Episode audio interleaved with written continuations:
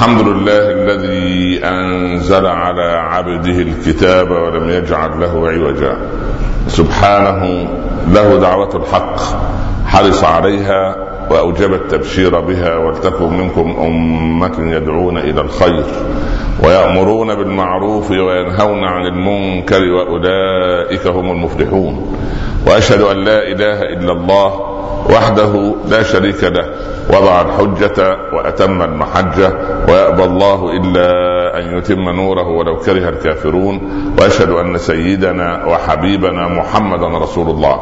بلغ الرسالة وأدى الأمانة ونصح الأمة وكشف الغمة وجاهد في الله حق جهاده حتى أتاه اليقين. صل اللهم عليه وعلى آله وأصحابه وأزواجه وأتباعه الذين آمنوا ولم يلبسوا إيمانهم بظلم. أولئك لهم الأمن وهم مهتدون. أما بعد. أيها الإخوة المسلمون هل للطاعة مواسم؟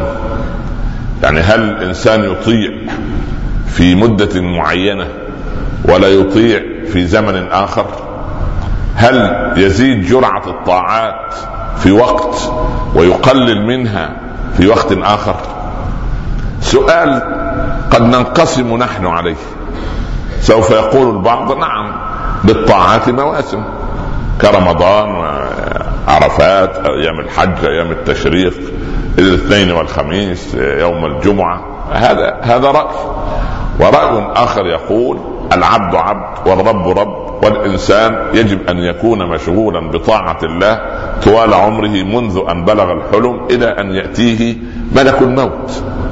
ولكنني أريد بدلا من أن ندلي بآرائنا هنا وهناك نعود إلى سلفنا الصالح وإلى الدعاة الأول من أنبياء الله عليهم وعلى نبينا الصلاة والسلام ومن الصحابة الغر الميامين ملائكة البشر والذين تبعوهم بإحسان. هل رجل كأبي بكر لما أخرج ماله كله هل انتظر شهر رمضان حتى يخرجه؟ أم أنه أخرج كل ما عنده اولا بأول فجعل عمره كله طاعات؟ منذ أن أسلم إلى أن لقي ربه. هذا السؤال أنا أظن فيما استقرأت من تاريخه أنه كان يخرج ماله في كل وقت سواء في رمضان أو في غير رمضان.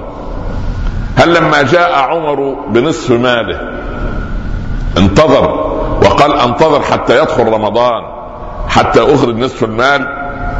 يعني استقرأت تاريخ عمر رأيت أن اليوم الذي أخرج فيه نصف ماله نصف ماله لم يكن في رمضان. هل لما انتشر العدل أيامه رضي الله عنه ووسع عدله جزيرة العرب والشام والعراق ومصر هل انتظر وقال أنا سوف أنشر العدل في رمضان وبعد ذلك نقتص من الناس ونظمهم بعد رمضان؟ هل لما كان زوجة عمر تقول إن عمر الذي ترون في بيته كالصبي. يضاحك هذا ويتبسط مع هذا يكلم زوجاته بأدب وبلين وبرفق. هل قال عمر أنا سوف أكون رفيقا بزوجتي في رمضان؟ أما بعد رمضان سوف أكون مسلم من طراز 2011 ميلادية يعني أقطب الجبين. وأشيح وأظن القوامة عبارة عن سيطرة وقهر وعدوان. أكيد عمر رضي الله عنه كان كالصبي في بيته في رمضان وفي غير رمضان. هل لما جاء عثمان رضي الله عنه وجهز جيش العسرة واحد يجهز جيش بأكمله. جيش جيش متكامل بأسلحته وبخيوله وبنباله وسيوفه وحرابه وكناناته. وكل هذه والمؤنة المال الطعام الخيام التي سوف يبيت فيها معسكر الجيش في الحرب. لما جهز عثمان رضي الله عنه هذا الجيش الكبير سبحان الله هل قال أنتظر لأن الغزوة هذه ليست في رمضان وأنا سوف أجهز الجيش ولكن عندما يدخل علي رمضان؟ سبحان الله هذا سؤال يجب أن يطرح.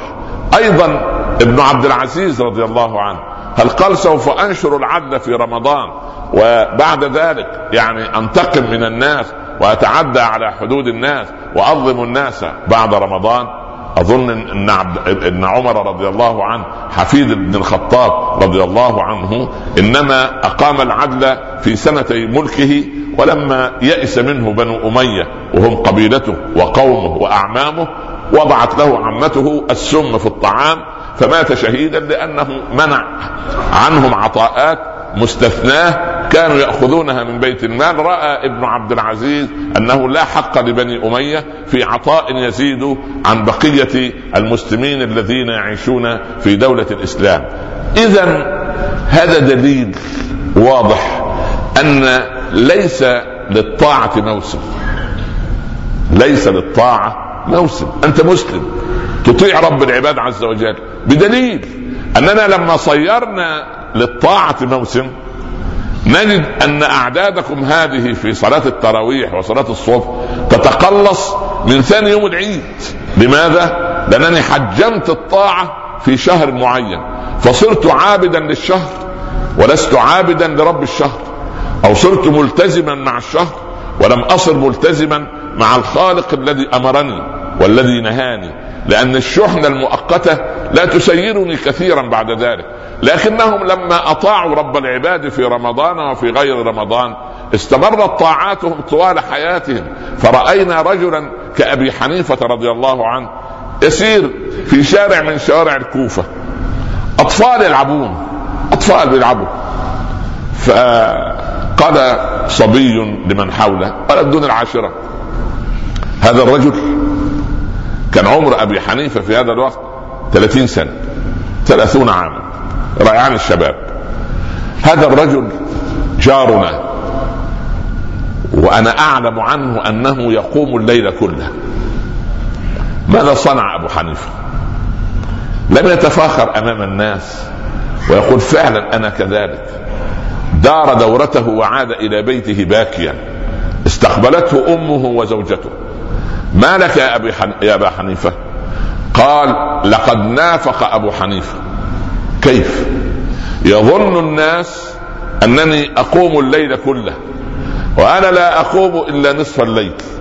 أشهد الله ما حييت سوف أقوم الليل كله كي لا ألقى الله منافقا يوم القيامة. ما الذي حدث من أبي حنيفة؟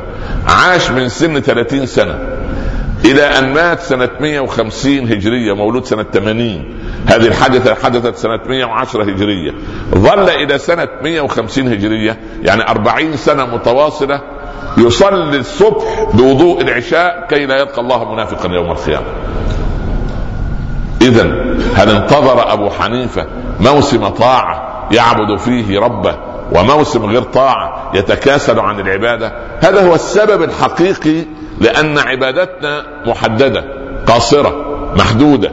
شحنتها قليلة تنتهي وتزول بزوال المؤثر طالما أن الصيام انتهى وطالما أن رمضان انتهى وطالما أن صلاة التراويح غير موجودة النبي صلى الله عليه وسلم منذ أن نزل عليه القرآن ورب العباد يعلمنا أنه يقوم أحيانا أدنى من ثلثي الليل ونصفه وليس وحده فقط وطائفة من الذين أن الصحابة أيضا كانوا يقومون فكنت تسير في شوارع المدينة بعد الهجرة تسمع بالليل أزيزا كأزيز النحل لأن كل بيوت الصحابة تقوم الليل. إذا لم يقم الليل في رمضان فقط. فأنت لماذا لا تعاهد ربك الآن أن يظل قيام الليل معك؟ ونحن كسالى إذا نمنا لم نقوم ودائما كثرة نومنا مرتبطة بكثرة ذنوبنا. إذا رأيت إنسانا يطيل ساعات النوم فاعلم فليعلم في نفسه ويقول أنا كثير الذنوب. لماذا؟ لأن مع قلة الذنوب تقل كمية النوم. بدليل أن أهل الجنة اللهم اجعلنا من أهلها يا رب دون سابقة عذاب. آمين يا رب العالمين. أهل الجنة كم ينامون؟ لا ينامون ولا لحظة واحدة. لماذا؟ لأنه لا ذنب لهم في ذنوب في الجنة. ولذلك عشان اختفاء الذنوب من عند أهل الجنة لا ينامون فالنوم مرتبط بخمود الأعضاء بكثرة الذنوب. ولذلك الإنسان كلما يعني أكثر أو حدد المال الحلال والطعام الحلال والثوب الحلال والكلمة الحلال والنظرة الحلال والاستماع الحلال والخطوة الحلال والتصرف الحلال والسلوك الحلال عندئذ سوف يكون نومه كافيا يضع الله البركة في الساعات الأربع خير لك من الثمانية. وأنت إن نمت من ثمان لعشر ساعات يوميا تصير كارثة كبيرة لأنك تنام عشرين سنة.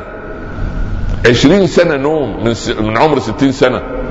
يعني لو عشت ستين سنة ونمت كل يوم ثماني ساعات احسبها. ثلث اليوم. ثلث العمر نوم. إن عشت ستين سنة. إلى أن تحال إلى التقاعد. يعني السن العام في دولنا الإحالة إلى المعاش ولا التقاعد ستين سنة. فأنت إن نمت كل يوم من الستين ثمان ساعات ضاعت عليك عشرون عاما من عمرك. فإذا أضفت إليها خمس عشرة سنة إلى البلوغ صار عندك خمسة وثلاثين سنة معطلة. لم يبق لك من العمر إلا خمسة وعشرين سنة. فإن ذهبت إلى العمل كل يوم ثمان ساعات فقط فقد ضاعت عشرون أخرى. فما بقي لك من العمر إلا خمس سنوات. فإن تكلمت في الهاتف وجلست على المائدة كل يوم نصف ساعة أو ساعة فقد ضاع من الخمس سنوات سنتين. فإذا تعطلت في الإشارات على مدى عدة سنوات خمس دقائق تضيع الثلاث سنوات الباقية فأين عبادتك لله رب العالمين؟ أما ترى أنك ظلمت نفسك؟ أما ترى أننا ضيعنا أعمارنا هباء وسدى كل شيء معوض إلا الوقت. الوقت لا يعوض. وعلامة المقت إضاعة الوقت. فأنا أتخيل أننا يجب أن نذهب بالجالسين على المقاهي في رمضان إلى أطباء النفس. لازم عنده خلل. مش ممكن يكون إنسان عاقل. هذا إنسان غير سوي. لماذا؟ لأنه يضيع أحلى اللحظات. ليس معنى كلامي أن الطاعات لا تكون في رمضان. لا. الطاعات تكون في رمضان وفي غير رمضان. لكن في رمضان الطاعات لها ثواب خاص ولها طعم خاص. فلا تضيع أوقاتك سدى. ضيع وقتك أو أنفق وقتك فيما يرضي رب العباد سبحانه وتعالى. أنت تضحك على نفسك وتقول ساعة لقلبك وساعة لربك. أين هي الساعة لربك؟ أنت إن نمت ثمان ساعات. وإن جلست على المائدة ثلاث مرات أو مرتين كل مرة ساعة. ثم بعد ذلك تفتح الشاشة تشاهدها ساعتين. ثم بعد ذلك تتعطل في المواصلات ساعتين وثلاثة. فأين بالله عليك الساعة التي تدعي أنها لربك؟ وربك غني عنك. الله عز وجل لو أطعناه جميعا ما زاد ذلك في ملكه شيئا. ولو عصيناه جميعا ما نقص ذلك من ملكه شيئا. يقول لنا في حديثه القدسي يا عبادي إنما هي أعمالكم أحصيها عليكم. فمن وجد خيرا فليحمد الله ومن وجد شرا فلا يلومن إلا نفسه. أحبتي في الله إن رمضان مذكر لنا بأن نؤوب وأن نعود إلى حقيقة عبادتنا لله عز وجل. فلا ينفق الإنسان وقتا إلا في مرضاة الله عز وجل. راجع نفسك اليوم. واسأل نفسك أسئلة. إن كان أباك وأمك على قيد الحياة هل هم في حالة رضا عنك؟ هل بررتهما؟ هل أغضبتهما؟ قال يا رسول الله هل أبرهما؟ يبرهما العبد. وإن ظلماه قال وإن ظلماه وإن ظلماه وإن ظلماه. أنا اتخيل مما علمني العلماء وأنا ما زلت أتعلم أن إنسانا يبكي أبا أو أما وتتقاطر قطره دمع من من من من عين الأب أو عين الأم أرى أنها تحرق الإيمان التي في قلب الولد وتحرق الإيمان الذي في قلب البنت. هل أنت بالله عليك مهما بلغت من الكبر ومهما بلغت من العمر ومهما بلغت من العلم بالله عليك إن كان أبوك وأمك على قيد الحياة هل هم هل هما راضيان عنك؟ هذا باب كبير هذا باب كبير. وإن كان تحت أطباق الثرى راجع نفسك. كيف أبرهما بعد الموت؟ هذا سؤال مهم أجيب عنه إن شاء الله بعد الصلاة. ثم بعد ذلك انظر إلى من حولك. من من عائلتك أنت مقاطع له؟ العم الخال العمة الخالة أبناء العمومة أبناء الخؤولة. بالله عليك لا تتفلسف ولا تقل في نفسك. هم أهل سوء إنهم أهل شر. إنهم كذا وكذا. انظر إلى زوجتك. هذه المسكينة التي تتحمل وهذه المسكينة التي تصبر وهذه المسكينة التي تدير حركة الاقتصاد في البيت. بالله عليك هل أحسنت معها؟ هل عاملتها كما عامل عمر رضي الله عنه؟ أهله وقالت الزوجات سبحان الله راضيات عن عمر إنه في أهله كالصبي. في في أسرته وفي عائلته وفي بيته. يعني صبي صغير يلعب مع هذا ويضحك مع هذا ويتبسط مع هذا. هذه طبيعة المسلم سبحان الله. جيرانك هل بينك وبينهم شحناء؟ صاحب البيت الذي تختنه هل أنت تحافظ له على المكان المؤجر؟ أنت أيها المستأجر هل سوف تسلم المكان الذي استأجرته سليما إلى صاحبه كما تكون أنت صاحب المكان أم أنك تقول هو للإيجار فممكن أدمر ما أشاء وأخرب ما أشاء. بالله علينا لو أصلحنا سلوكنا في رمضان لكنا من الطائعين لله عز وجل. اللهم ارزقنا طاعتك وخوفا منك وخشية ومحبة إليك يا رب العالمين. أقول قولي هذا وأستغفر الله لي ولكم. أحمد الله رب العالمين. وأصلي وأسلم على سيدنا رسول الله صلى الله عليه وسلم. أما بعد أحبتي في الله المؤسسات الكبرى والوزارات الناجحة تضع في بداية العام مخططا لعامها. ما الهدف؟ ما هي الاستراتيجية؟ ما هي دراسات الجدوى؟ ما هو الذي نريد أن نحصله في هذا العام؟ ما هي الإيجابيات التي نريد أن نحصل عليها؟ ما هي السلبيات التي نريد أن نتجنبها؟ هذه مؤسسات ناجحة ثم توزع على الإدارات وتقوم الإدارات بتطبيقها ومتابعتها ومراقبتها وتنفيذها. أنت مع نفسك. اعتبر رمضان هذا وإحنا في بداية إن شاء الله ما شاء الله هذا هذه بداية عام جديد. اعتبر رمضان بداية عام جديد. وأنت مؤسسة. قلبك رئيس مجلس الإدارة مع عقلك. الجوارح ورؤساء أقسام عندك. اليد تعمل والرجل تعمل والعين تعمل الجوارح كلها تعمل عند القلب وعند العقل. أصدر أوامرك فورا واعمل استراتيجية. قل أنا هذا العام إن شاء الله هو عام غض البصر. أغض بصري عن قضيتين. عما حرم الله اولا ثم أغض بصري عن عيوب الآخرين ايا كانوا. إن كانوا كبار أو صغار يعملون عندي أعمل عندهم. إن كان الزوجه إن كان زوج. إن كان ابن أخ عم خال قريب جار صاحب عم أي شيء. اذا أقول هذا أبدأ بتوزيع العمل على رئيس قسم البصر العين. أو يا عين غضي نفسك. والله أعطاك جف يغلق بهذا المنطق. اذا عليك أن تغض البصر عما حرم الله ثم عن عيوب الناس. أنت يا لسان العجب في اللسان في بعض دولنا العربية يسميه اللحادون اللي بيدفنونه اللي بيلحد الميت الحانوتي اللي بيدفننا في القبر. يسموا اللسان العمال. في بعض البلاد العربية سمعت هذا اللفظ سبحان الله. العمال هذا اللسان هو أول ما ينفلت منك بعد الموت. بعد الموت لو نزلنا إلى لو نزل أهلنا إلى القبر. أول شيء يترك لأنه عضلة مرتبطة فلما العضلات تفك والموت خلاص الروح تركت التي تسيطر على الجسد. هذا اللسان بعد أيام تجف منه الرطوبة. فيصير كالقنفذ تماما. تعرفون حيوان القنفذ؟ إذا هاجمه أحد تكور وأصبح لا يستطيع إنسان أن يقترب منه. تظهر منه أشواك. اللسان هذه النتوءات التي تحميه من أسفل الخشونه هذه تصير كالأشواك تماما. لو التصقت برجل من يدفن ميتا جديدا تؤلمه. وكأن اللسان في سوء فوق الأرض وأسوأ بعد الأرض تحت الأرض. كارثة كبيرة. فأنت وزع العمل على اللسان. قل له أيها اللسان إلى متى تغتاب؟ إلى متى تنم إلى متى تكذب؟ إلى متى تشهد زورا؟ الرجل دخل على الحسن البصري قال له يا إمام أنا كنت أخيط أثواب الحجاج. الحجاج أنا كنت الخياط الترزي الخاص للحجاج. هل أنا من أعوان الظلمة؟ صدمنا الحسن البصري بإجابته وصدم الرجل بإجابة عجيبة خطيرة. قال له ماذا تقول؟ قال أسألك أنا كنت أخيط أثواب الحجاج. هل أنا من اعوان الظلمة؟ قال أنت من الظلمة أنفسهم. طيب إلى متى تنصر أنت الظالم والمفتري وتنافقه وتنحني أمامه؟ يا أخي ده من كرم الله عليك أن الركوع لله عز وجل هذا هذه حركة تستطيع أن تقول عنها بلغة الإعلام حركة حصرية لابن آدم فقط. ليس هناك مخلوق على وجه الأرض غير الإنسان هو الذي يستطيع أن يركع.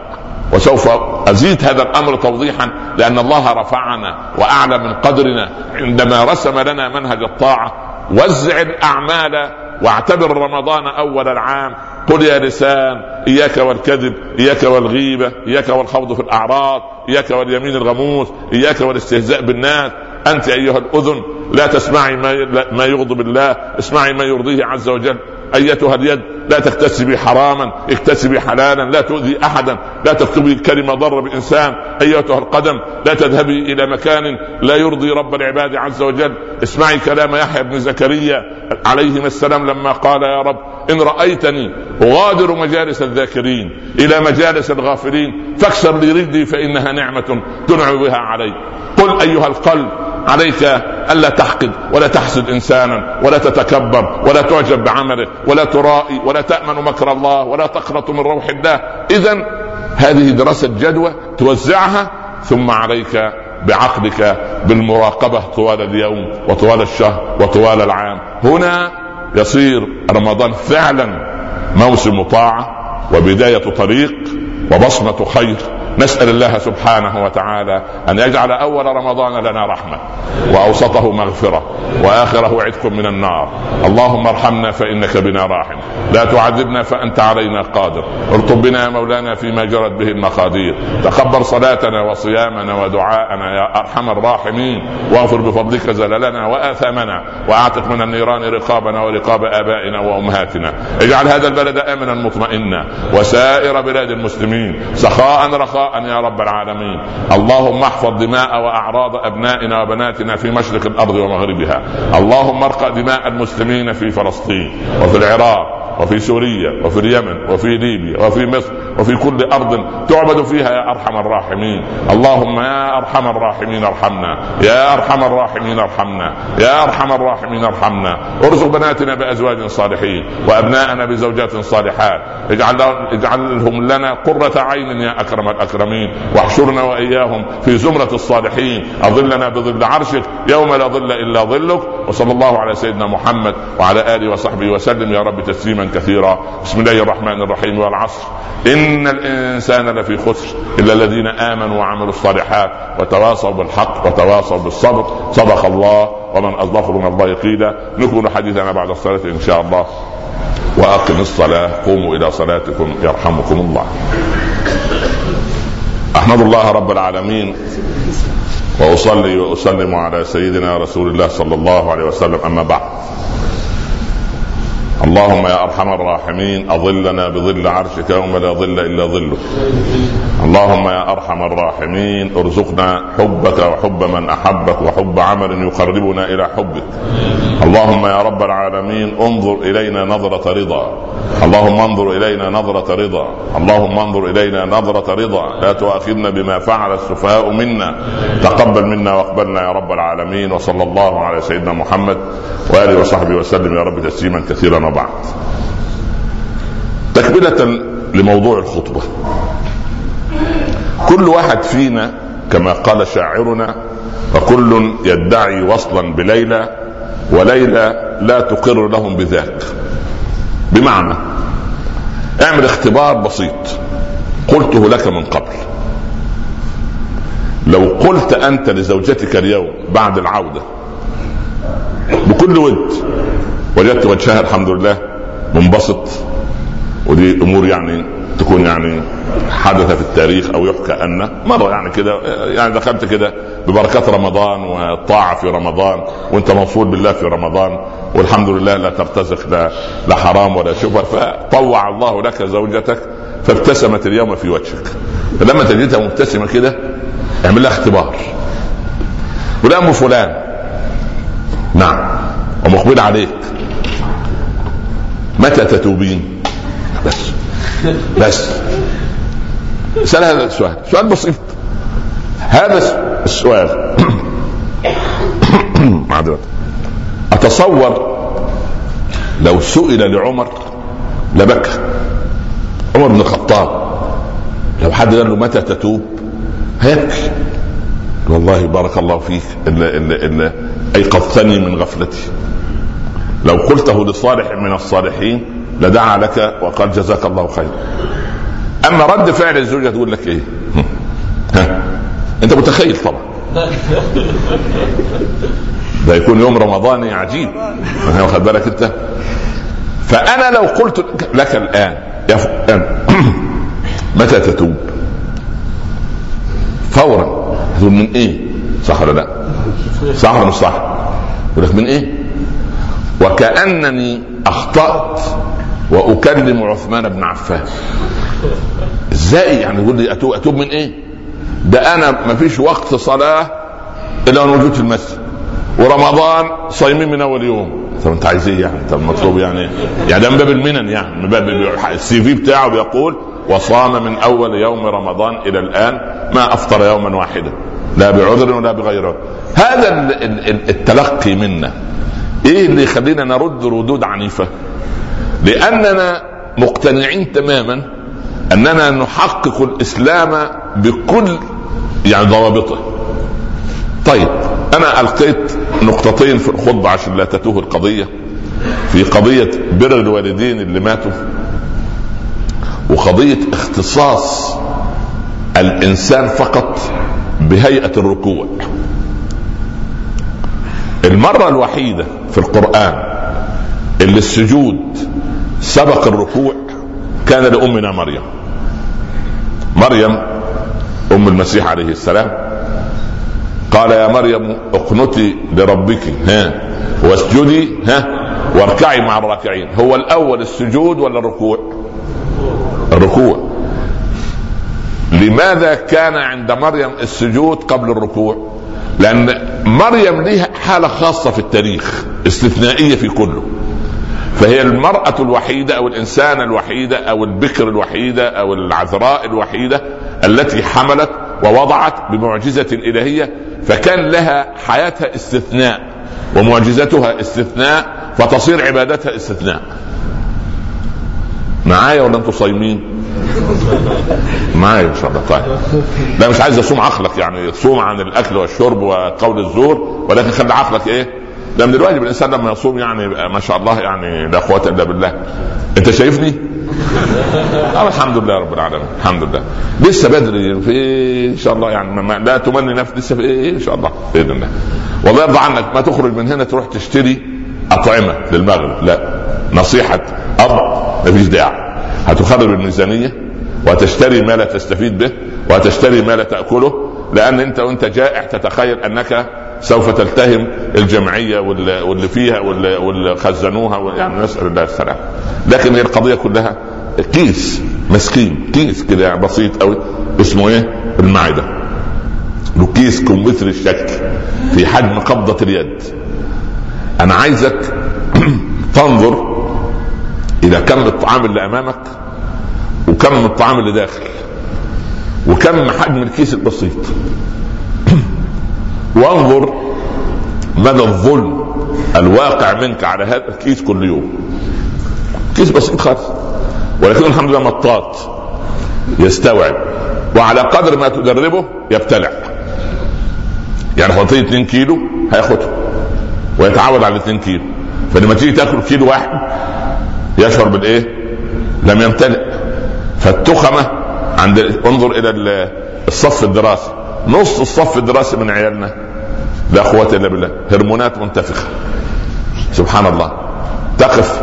يعني زي ما قلنا في الجمعة الماضية تعرف الإنسان الشره من الإنسان. ولذلك أنا أريد أن يكون رمضان وقفة مع النفس. تعال إلى مسألة الركوع. الركوع هيئة بشرية. لا تستطيع لا يستطيع مخلوق. كل المخلوقات تسجد لله. ولله يسجد من في السماوات ومن في الأرض. يعني كله بيسجد. لكن ما قال رب العباد ولله يركع من في السماوات ومن في الأرض. لا يركع إلا الإنسان. ليه؟ الركوع هو أن تميل رأسك بحركة وتقول أثناءها تسبيحة عجيبة. سبحان ربي العظيم. يعني إيه الله يعطيك في الركوع عزة. فيقول لك أنت لن تركع ابدا إلا للعظيم. بس. أي شيء آخر غير العظيم لا يجوز لك أن تركع له. ولا يجوز لك أن تنافقه أو تداهئه ابدا. ولذلك. أحد ال ال الناس كان دايما يشجع الناس على الخير. ويأمرهم بكلمة الحق و فجاء الأمير في دمشق حكم عليه بالقتل فارتبك. فقالوا يا فلان ما لنا نراك أصفر الوجه مذعورا وقد كنت تشجعنا. يا رجل انت شاء الله عليه. قال وما لكم لا تروني كذا وأنا أرى سيفا مشهورا وقبرا محفورا يعني وجسدا منهورا. يعني أنا رايح في داهية رايح في داهية. عايزين يعني أكون يعني سبحان الله ولذلك.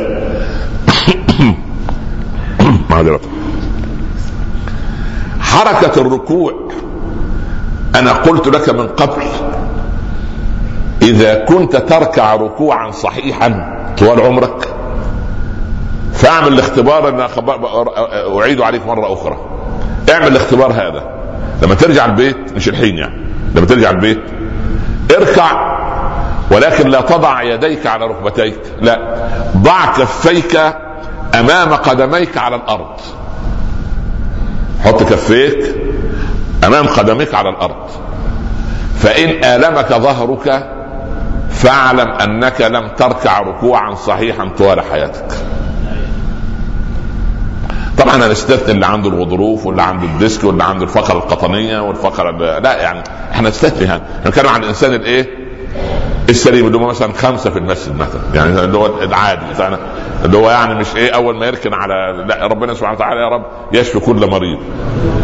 يبدو أن الصحابة من كثرة ركوعهم وسجودهم وأجدادنا الصالحين. كان سبحان الله العظيم لا لا يمل لدرجه ان عنده كان 90 سنة ويركع ركوع منضبط. وعمر الله يرضى عليه كان عنده 61 سنة. كان يرمح بجوار الفرس. يخلي الفرس يرمح وهو يرمح جنبه بسرعة. ثم يمسك اذن الفرس ويقفز عليه. ها 61 سنة. مين عنده 21 سنة يعمل الحكاية دي؟ حتى يجري جنب الحمار. ليش حصان أعزك الله. ولا يقدر. والله لا ولا ولا يستطيع. ليه؟ لأن إحنا تعودنا. يا راجل يا مؤمن الحضارة الحديثة عطلت ملكات الإنسان.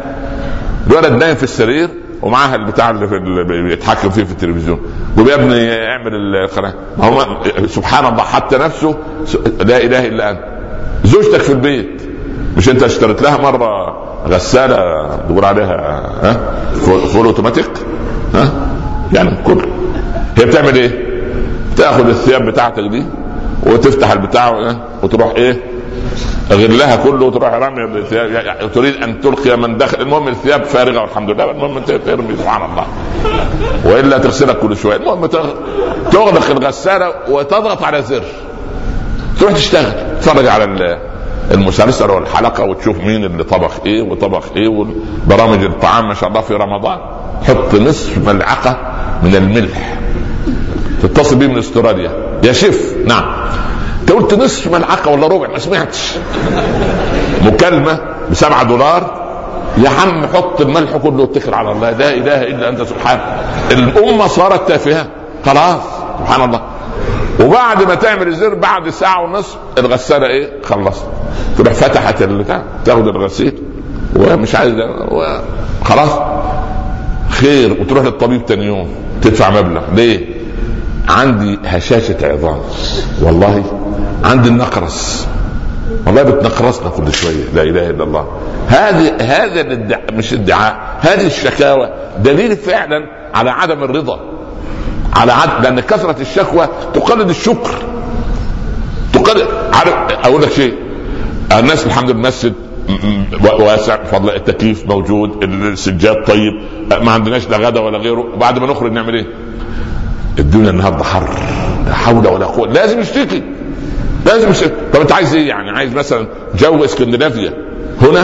ما ينفعش. تبقى جنة.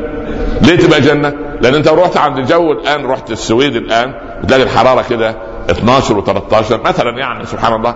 بس هتلاقي العارية واللي مش متغطية واللي نسيت تلبس واللي ولدت عريانه كما ولدتها أمها. دي مع دي تاخد دي ودي. تاخد الجو ده والجو ده. أو كله جو.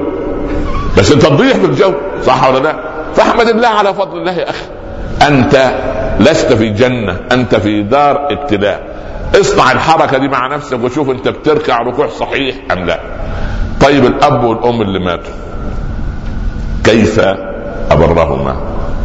أول شيء أنا إن كان أبويا وأمي سواء على قيد الحياة أو غيبهم الثرى لازم أدعو لهم عقب كل صلاة. قال علماؤنا من لم يدعو لأبيه وأمه عقب كل صلاة فقد عقهما. كارثتك أنك بتبدأ بابنك وبنتك وزوج اللي امامك لا أنا عايز تبدأ بأبوك وأمك. ولذلك رب العباد سبحانه وتعالى قرن دائما بر الأب والأم بالتوحيد وقرن العقوق بالشرك. فانظر أبوك وأمك أول شيء حيين أو ميتين الدعاء لهم عقب كل صلاة. طيب نيجي لل... للحيين الأول. خلاص؟ عشان أولادنا يعني يراعوا المسألة شوي. أول شيء قال لا تسر أمامه لا ليلا ولا نهارا. تمشيش أمام أبوك ابدا ما ينفعش. استثنى العلماء في قضية الصحبة والادب الاسلامي الاتيكيت الاسلامي عجيب لأن أنا ماشي مع إخواني بالنهار. أعمل إيه؟ أسير خلفهم. طب ماشي معاهم بالليل أسير أمامهم. لأن لو في ضرر أو حفرة أو خطر يبقى قضية الإيه؟ الإيثار. الأب والأم نفس القضية. إذا رأيت أن هناك خطورة من أن أسير أمامه أسير أمامه لحمايته. فاول شيء لا أسير أمامهما. وبعدين؟ قال لا أجلس. وأحدهما واقف. ما ينفعش. أنت شايف ابنك لما يحط رجليه على الطاولة اللي قدامه كده وهو جالس على على أريك اللي خلفوه. سبحان الله واخد بالك أنت؟ ويكلمك كده. نعم. وأنت تتودد إليه. والله ممكن ممكن يعني بعد اذنك نروح نفطر عند عمك إن شاء الله. يعني بكرة. إذا كنت فاضي. ده مش فاضي. ويكمل في الإيه؟ لا إله إلا أنت. لو كان جدك على قيد الحياة كان يعمل فيه إيه؟ اقرأ الحادثه صح ولا لا؟ انت على طول تفتح صفحة الحوادث تشوف صوره جدك لأن جدك من فضل الله مات قبل أن يرى المهزله الولد بهذا الحقوق هيكبر. يطلع له ولد والله في أحد البلاد رجل كبير السن بيبيع أواني فخارية في جنوب صعيد مصر. معروفة هذه في السبعينات. ففقير. فلا يجد عزك الله دابة تحمل الأواني الفخارية فعمل عصا ويشبك الأواني الفخارية بحبال ويحملها على كتفه. ابنه يبيع معه. الرجل كبر في السن تعثر وقع على الأرض انكسرت الأواني. الابن أنزل الفخ... الأواني اللي معه ونزل في أبيه ضربا. والعياذ بالله. أهل القرية اجتمعوا عايزين يفترسوا الولد. قال الأب اتركوه. من أربعين سنة صنعت هذا الفعل مع أبي. البر لا يبلى الذنب لا ينسى الديان لا يموت. اعمل ما شئت كما تدين. يقول للولد يا ابني زي ما هتعمل معايا ابنك يطلع يعمل معاك 100% أصل وصورة. سبحان الله. فأنا عايزين بس النوعين أيضا ابناء على البر. إحنا عايزين نوعين ابنائنا على برنا يعني ما نأمرهمش بأشياء يعني لا لا توافق عقولهم ولكن خلينا إيه بالصداقة والود والمحبة. طيب إيه كمان من من من ضمن البر؟ يعني ألا تناديهما باسمهما. الولد من باب السخافه عبد الرحمن عبد الرحمن. قول له مين يا ابن عبد الرحمن؟ قول ابويا الله يهديك ويهدي أبوك لا إله إلا الله. معقول؟ لا تناديه باسمه. هل قال إبراهيم يا ازر ماذا قال له؟ ها؟ يا أبتي يا أبتي سبحان الله. والثاني إيه؟ مجرم. لأرجمنك واهجرني ويقول له يا ابت سلام عليك. يا أبتي لا إله إلا أنت. فلا تناديه باسمه ما ينفعش ولا يجب أن تقف وتقول له تعالى. اعمل إيه؟ قال أروح أنا عنده. أقول له تفضل لترى. خلي بالك. يعني نعلم العيال كده. هو الولد لو شافك انت تعمل مع جده وجدته بهذا الشكل هيعمل زيك. فانت تروح عنده وتقول له تعالى بعد إذنك اعمل كذا. يا أمي بعد إذنك كذا. مش تعالى. بنادي عليك من زمان. سامع راجل كبرت كده حتى قال الرجل كبير السن. صديقه بيقول له كيف حالك؟ بلغ الثمانين بدأ مكثه في البيت أكثر من مكثه بره هيروح فين؟ يروح المسجد ويرجع. قال كبرت في السن وأطلت المكث في البيت حتى ملني الكبير وتجرع علي الصغير. يا الله دي أصعب شيء يواجه كبير السن. أصعب شيء الكبير يمل له وبعدين؟ عارف لو الرجل مسكين طال به المرض وهو مقعد وعايزين ينظفوا الغرفة. حركوه شوية حركوا من؟ النكرة يعني. ما هو ده صاحب الفضل كله بعد الله في البيت ده كله. ده صاحب البركة. ما تشيلوه بالكرسي عشان ننظف الغرفة؟ لا إله إلا الله. بيصبح إيه؟ وبعدين يقول له والله كيف حال والدك؟ ادعو له بالرحمة. ربنا يرحمه. لا ادعو له ربنا سبحانه وتعالى يكرمه عنه. قال لا إله. ليه يقول عشان يستريح؟ ده أنت يا أخويا اللي عايز تستريح. أنت اللي عندك أمل الراحة منه. لكنك لما كنت مريضا وضعيفا وصغيرا وفقيرا ما تمنى لك الموت وإنما تمنى لك الحياة. أنا أقول لك شيء. الجماعة اللي بيبيحوا نقل الأعضاء أنا لا أبيح نفرض جدلا. الجماعة اللي يبيحوا نقل الأعضاء لو واحد قالوا له أن ابنك يحتاج منك الكليتين مش كلية. يعمل إيه الأب يتردد ولا يذهب للمستشفى فورا؟ يذهب. لكن لو قالوا للولد يروح لزوجته يقول يعمل مقدمة. والله أصل القصة أنت مش عايز خاتم ذهب؟ مش يعمل لها رشوة الأول عشان إيه؟ يبتدي يفتح الموضوع يفتح المظاريف يشوف النقل فكارثتنا أننا نحن على أبنائنا وأبناؤنا لا يحنون علينا.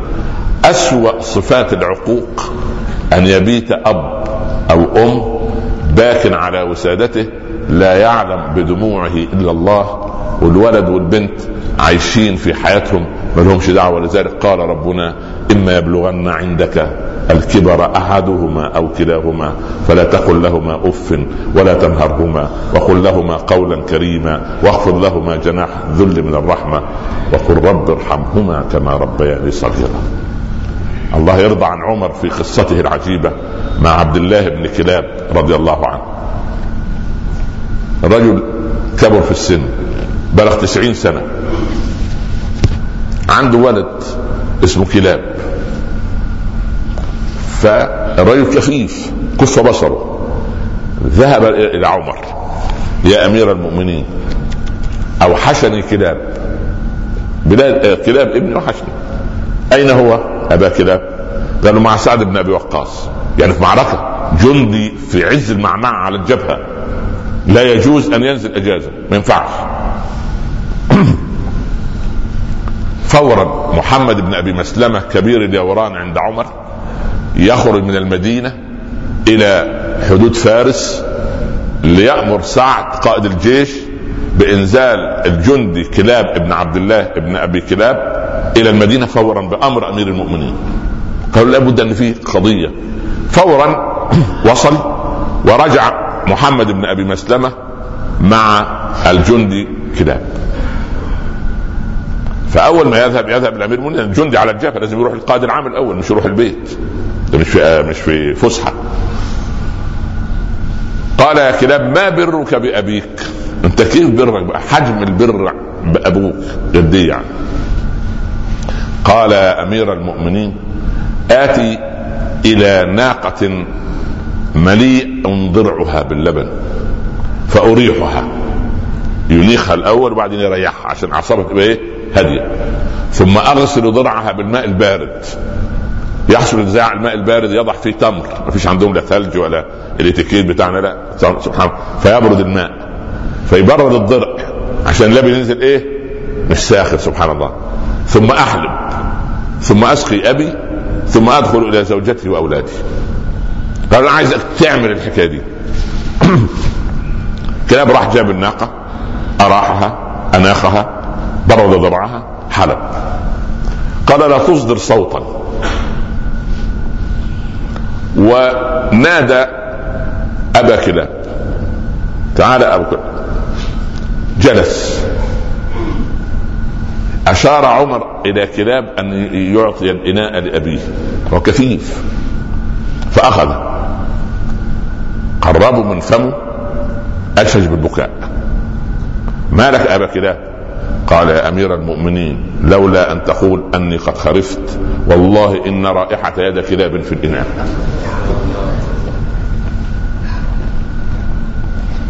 بكى عمر وبكى الحاضرون لأن قلوبهم ما كانتش قاسية زي قلوبنا. قلوبنا قست. العيون لا تدمع لأن القلب قاسي. عمر لم يحتمل المنظر. قال من كان بارا فليكن كهذا. البر طيب الأب والأم ماتوا. إيه نعمل؟ غير الدعاء. يا ريت في رمضان ارفع السماعة على عمك على عمتك على ابن عمك على صديق أبوك على صاحبة أمك. كل دول هذا ال ال ال ال الهاتف ده ابو 2 درهم يصل في طبق من نور ويدخل إلى قبر أبيك وأمك. أنا عايز رمضان وقفة مع النفس نفتح بها صفحة جديدة. المجتمعات اللي فيها البر مجتمعات فيها خير. المجتمعات اللي فيها العقوق لا خير فيها. نحن يتمرد أبناؤنا علينا لأننا نعصي الله عز وجل لنصلح ما بيننا وبين الله فيصلح الله بيننا وبين زوجاتنا وأبنائنا وبناتنا. اللهم تقبل منا وأقبلنا يا رب العالمين. وصلى الله على سيدنا محمد وآله وصحبه وسلم. لا تنسوني من صالح دعائكم. السلام عليكم ورحمة الله وبركاته. نلتقي الجمعة القادمة إن شاء الله.